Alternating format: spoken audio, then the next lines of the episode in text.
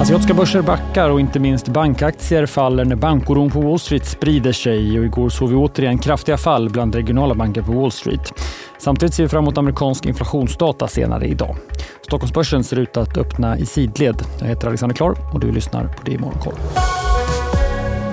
Ja, det lyser rött på skärmarna i Asien. I Shanghai och Shenzhen är börserna ner knappt 1% medan Hongkongbörsen backar 2% och vi ser en lika stor nedgång i Japan.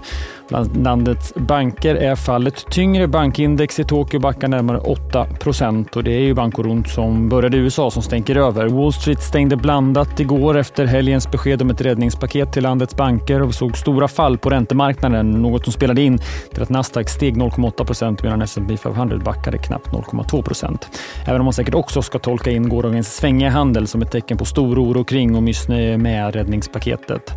Två banker, Silicon Valley Bank och Signature Bank, har redan fallit, men ytterligare press syntes på flera mindre regionala banker igår, däribland First Republic Bank. Och ja, även den banken har den svenska pensionsjätten Alecta investerat i.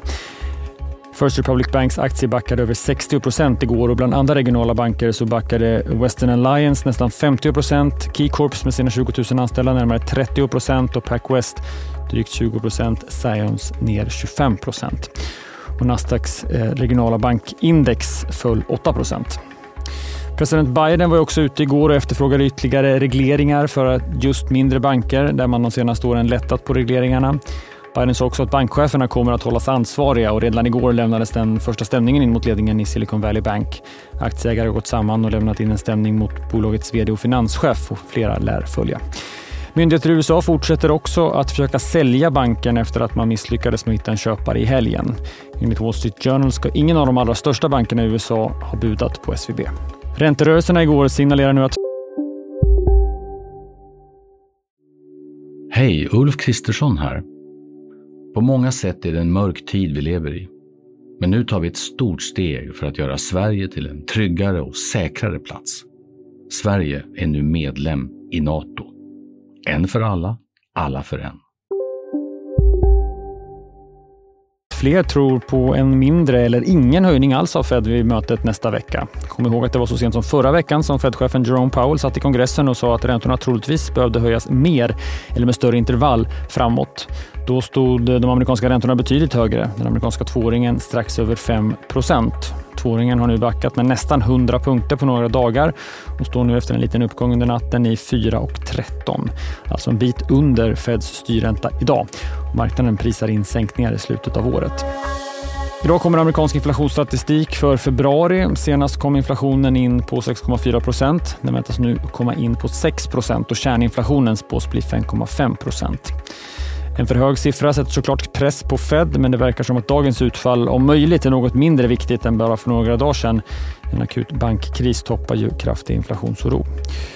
Klockan halv två, aningens tidigare än vanligt, kommer siffran. USA har ställt om till sommartid, vilket innebär att börsen också öppnar redan halv tre under de kommande två veckorna.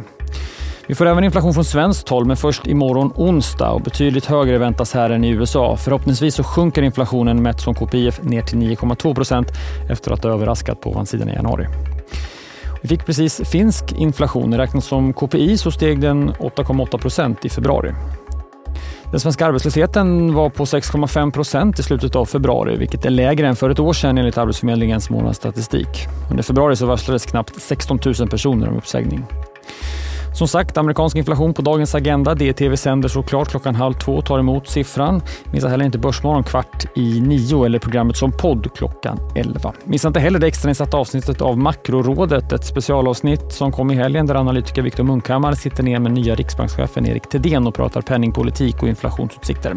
Men ha med er att programmet spelades in dagarna innan bankkollapsen i USA. Ni hittar avsnittet på sajten eller i din poddspelare. Jag heter Alexander Klar.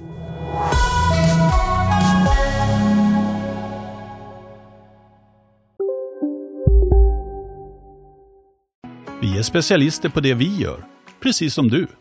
Därför försäkrar vi på Swedea bara småföretag, som ditt. För oss är små företag alltid större än stora och vår företagsförsäkring anpassar sig helt efter firmans förutsättningar. Gå in på swedea.se företag och jämför själv. Där det finns ett samhälle, där finns det brott. Krimrummet är podden som tar brottsligheten på allvar. Jag bjuder in landets ledande experter och tar upp aktuella rättegångsfall för att begripliggöra den kriminalitet som kryper allt närmare. Du, alltså, du kan knäcka ett eller några gäng, men det kommer komma nya och så kan vi knäcka dem sen. Men att du ska knäcka allt forever, det kommer aldrig ske. Det är infinite gain. Lyssna på Krimrummet, en podd från Expressen med mig Kim Malmgren.